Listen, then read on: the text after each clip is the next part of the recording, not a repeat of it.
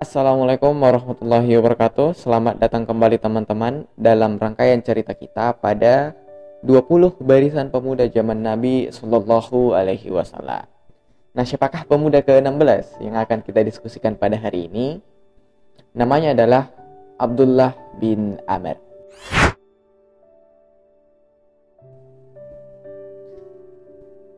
Nah, kita mulai dari nama lengkapnya dulu. Nama lengkapnya itu adalah Abdullah bin Amr bin Al-Ash Al-Quraish Al-Suhaim. Nah, jadi Abdullah bin Amr ini merupakan buah hati atas pernikahan dari Amr bin Al-Ash dan Rabitah binti Munabbi. Abdullah bin Amr ini lahir pada tahun ke-7 sebelum Hijriah dan wafat pada tahun ke-65 Hijriah. Berarti usianya itu ada sekitaran 65 ditambah 7 berarti 72. Sekitar segitulah ya. Sekitar 72 tahun lah usia dari Abdullah bin Amr ini. Nah, kita mulai dari kita mulai ceritanya. Abdullah bin Amr ini adalah sosok anak muda yang lebih dahulu memeluk agama Islam daripada ayahnya. Jadi, Abdullah bin Amr ini duluan memeluk agama Islam dibandingkan dengan ayahnya Amr bin Al-Ash. Kenapa bisa begitu? Ya, saya juga kurang tahu kenapa bisa begitu ya. Tapi yang jelas yang kita ketahui adalah Abdullah bin Amr itu lebih dahulu memeluk agama Islam dibandingkan ayahnya. Sosok Abdullah bin Amr ini merupakan sosok anak muda yang pandai baca tulis dan juga uh, selain bisa baca tulis mampu berbahasa Suryani. Karena keahliannya dalam baca tulis itu, Abdullah bin Amr juga memin pernah meminta izin kepada Rasulullah untuk menuliskan hadis-hadis Nabawi.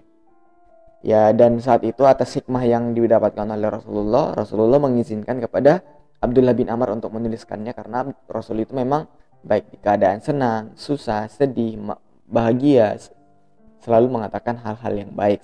Makanya diizinkanlah si Abdullah bin Amr untuk menuliskan hadis Rasulullah yang pada saat itu uh, bahkan Zaid bin Sabit sendiri nggak diizinin kan ya buat menulis sekretaris Rasul gitu loh nggak diizinin untuk menulis hingga memang pada saat setelah Rasul uh, wafat itu barulah Zaid bin Sabit menuliskan hadis-hadisnya. Karena pada saat itu, itu takut untuk bercampurnya antara hadis dan juga firman karena masih turun gitu kan ya. Nah beda dengan si Abdullah bin Amr ini Abdullah bin Amr itu diizinkan Rasul untuk menuliskan hadis-hadis Nabawi. Hingga Abu Hurairah juga mengatakan bahwa tidak ada orang yang lebih memahami hadis dibandingkan aku untuk mengatakan Abu Hurairah daripada Abdullah bin Amr. Kalau Abdullah bin Amr itu memahami, hadis Rasul itu dengan menggunakan hatinya, begitu juga dengan aku. Aku juga memahami hadis Rasul itu dengan hatiku.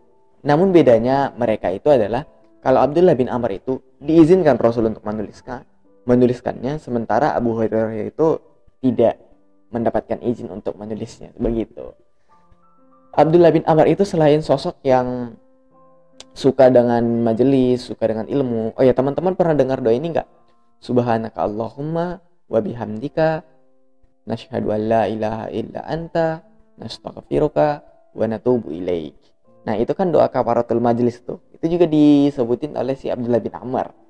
Nah Abdullah bin Amr ini selain suka dengan berkumpul belajar di majelis-majelis itu karena memang Abdullah bin Amr itu juga senang bertanya kepada Rasulullah Wasallam hingga mengetahui banyak hal tentang halal dan haram seperti itu. Nah, selain giat dalam uh, majelis ilmu, Abdullah bin Amr ini juga ikut dan andil dalam setiap peperangan Rasulullah Shallallahu Alaihi Wasallam. Di saat perang Yarmuk, Abdullah bin Amr ini berada di bawah bendera ayahnya, Amr bin Al As, untuk membela Islam pada saat perang Siffin juga. Pada saat perang Siffin itu kan antara Muawiyah dan Ali ya. Nah, di antara Muawiyah dan Ali itu sebenarnya Abdullah bin Amr itu berada di kubu Muawiyah. Namun saat peperangannya Abdullah bin Amr itu nggak ikut karena mengatakan ya dia nggak mau uh, menebaskan pedangnya untuk orang Muslim seperti itu. Sama kayak kemarin uh, Usama bin Zaid soal perkara la ilaha illallah yang kayak gitu kan jadi sejak saat itu uh, sama bin Zaid juga nggak mau memerangi orang yang mengucapkan kalimat la ilaha illallah. Jadi pada saat perang itu Muawiyah dan Ali juga Usama bin Zaid nggak memihak siapa pun gitu. Karena mereka itu sama-sama muslim kan ya. Di saat peperangan itu kalau kebanyakan uh, sahabat Rasul itu pojong itu kan pakai satu pedang gitu aja. Kalau Abdullah bin Amr ini nggak kayak main-main di Assassin's Creed kayak gitu. Jadi kalau Abdullah bin Amr ini saat berperang itu pakai dua pedang. pakai dua pedang dan juga saat perang Yarmuk membawa bendera ayahnya seperti itu. Amr bin Al-Ash. Nah, bawa dua pedang kayak gitu. Jadi mainnya pakai dua pedang. Nggak tahu deh gimana cara cara mengayunkan pedangnya. Pokoknya dua pedang lah di bawah seperti itu kalau orang-orang lain cuma bawa satu ya Abdullah bin Amr bawa dua jadi bisa gesik kali ya berperangnya uh, manuvernya bisa banyak seperti itu kali ya nah sosok lain dari Abdullah bin Amr ini yang kita ketahui tadi udah saya kasih tahu ya lahirnya itu tujuh tahun sebelum Hijriah. Nah Abdullah bin Amr ini juga giat meriwayatkan hadis-hadis.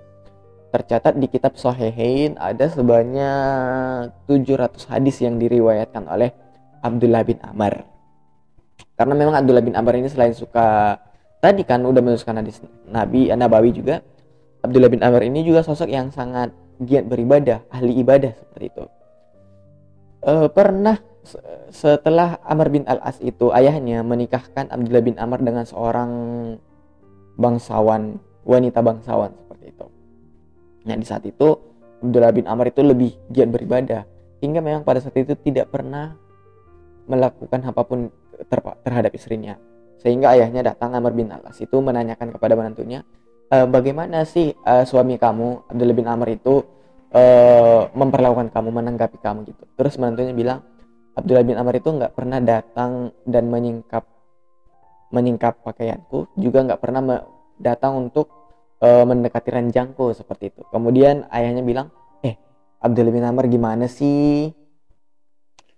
kok kamu perlakukan istri kamu seperti itu kenapa nggak kamu perlakukannya layaknya seorang suami memperlakukan istri kayak gitu kan ya dan kamu juga nggak ngizininnya mengizinkan buat nikah sama laki-laki lainnya kayak gitu terus saat itu Abdullah bin Amr pergi menjumpai Rasulullah dan Rasulullah menanya kamu emangnya kalau siang puasa ya iya jawab Abdullah bin Amr kalau malam sholat iya jawab Abdullah bin Amr nah terus Rasul bilang kayak gini aku juga berpuasa namun kadang aku ber, namun aku juga berbuka.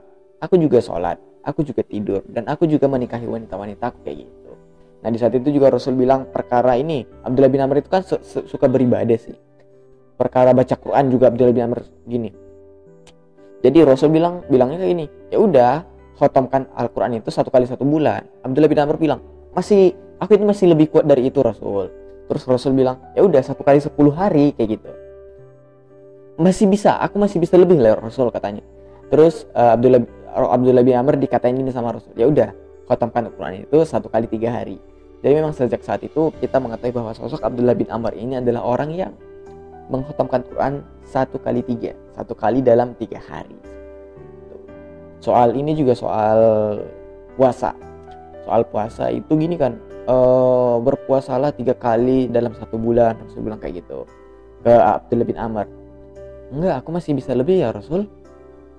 Ya udah kalau si Abdullah bin Amrnya kan masih terus mendesak terus mendesak terus mendesak kayak gitu.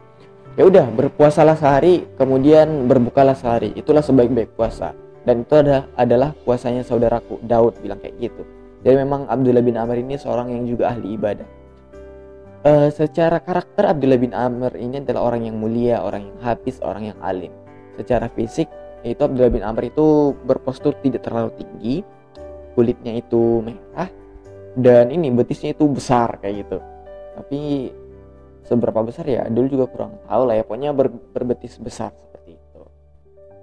Hingga pada akhir ayatnya itu Abdullah bin Amr itu senang untuk mengajarkan ilmu-ilmu yang didapatkannya kepada penerus-penerus berikutnya dari Rasulullah Shallallahu Alaihi Wasallam. Baik ilmu hadis eh, fatwa-fatwa, hukum, halal dan haram diajarin semuanya ke generasi-generasi selanjutnya oleh uh, Abdullah bin Amr. Hingga wafatnya Abdullah bin Amr itu pada tahun ke-65 Hijriyah. Tadi di usia kira-kira 72 tahunan kan ya. Dan di penghujung hidupnya itu, di penghujung hayatnya itu Abdullah bin Amr itu mengalami kebutaan. Ya walaupun buta tetap eksis dalam mengajarkan kan ya Nah teman-teman, begitulah sosok yang kita ketahui mengenai Abdullah bin Amr bin Al-Ash. Semoga dari cerita kita hari ini membukakan uh, nuansa baru kepada teman-teman dan mengetahui sosok pemuda-pemuda yang ada pada zaman Nabi Shallallahu Alaihi Wasallam. Sehingga kita anak muda sekarang ya setidaknya bisa meneladani mereka. Setidaknya nggak bisa seperti mereka ya kita tahulah bagaimana sosok-sosok dari anak muda yang ada pada zaman Nabi Shallallahu Alaihi Wasallam. Terima kasih teman-teman sudah tetap mendengarkan kita bercerita mengenai barisan pemuda zaman Nabi Shallallahu Alaihi Wasallam ini. Hari ini kita bercerita mengenai Abdullah bin Amr. Sampai jumpa pada pemuda lain yang akan kita diskusikan bersama. Akhir kata, maaf kalau ada kesalahan. Assalamualaikum warahmatullahi wabarakatuh.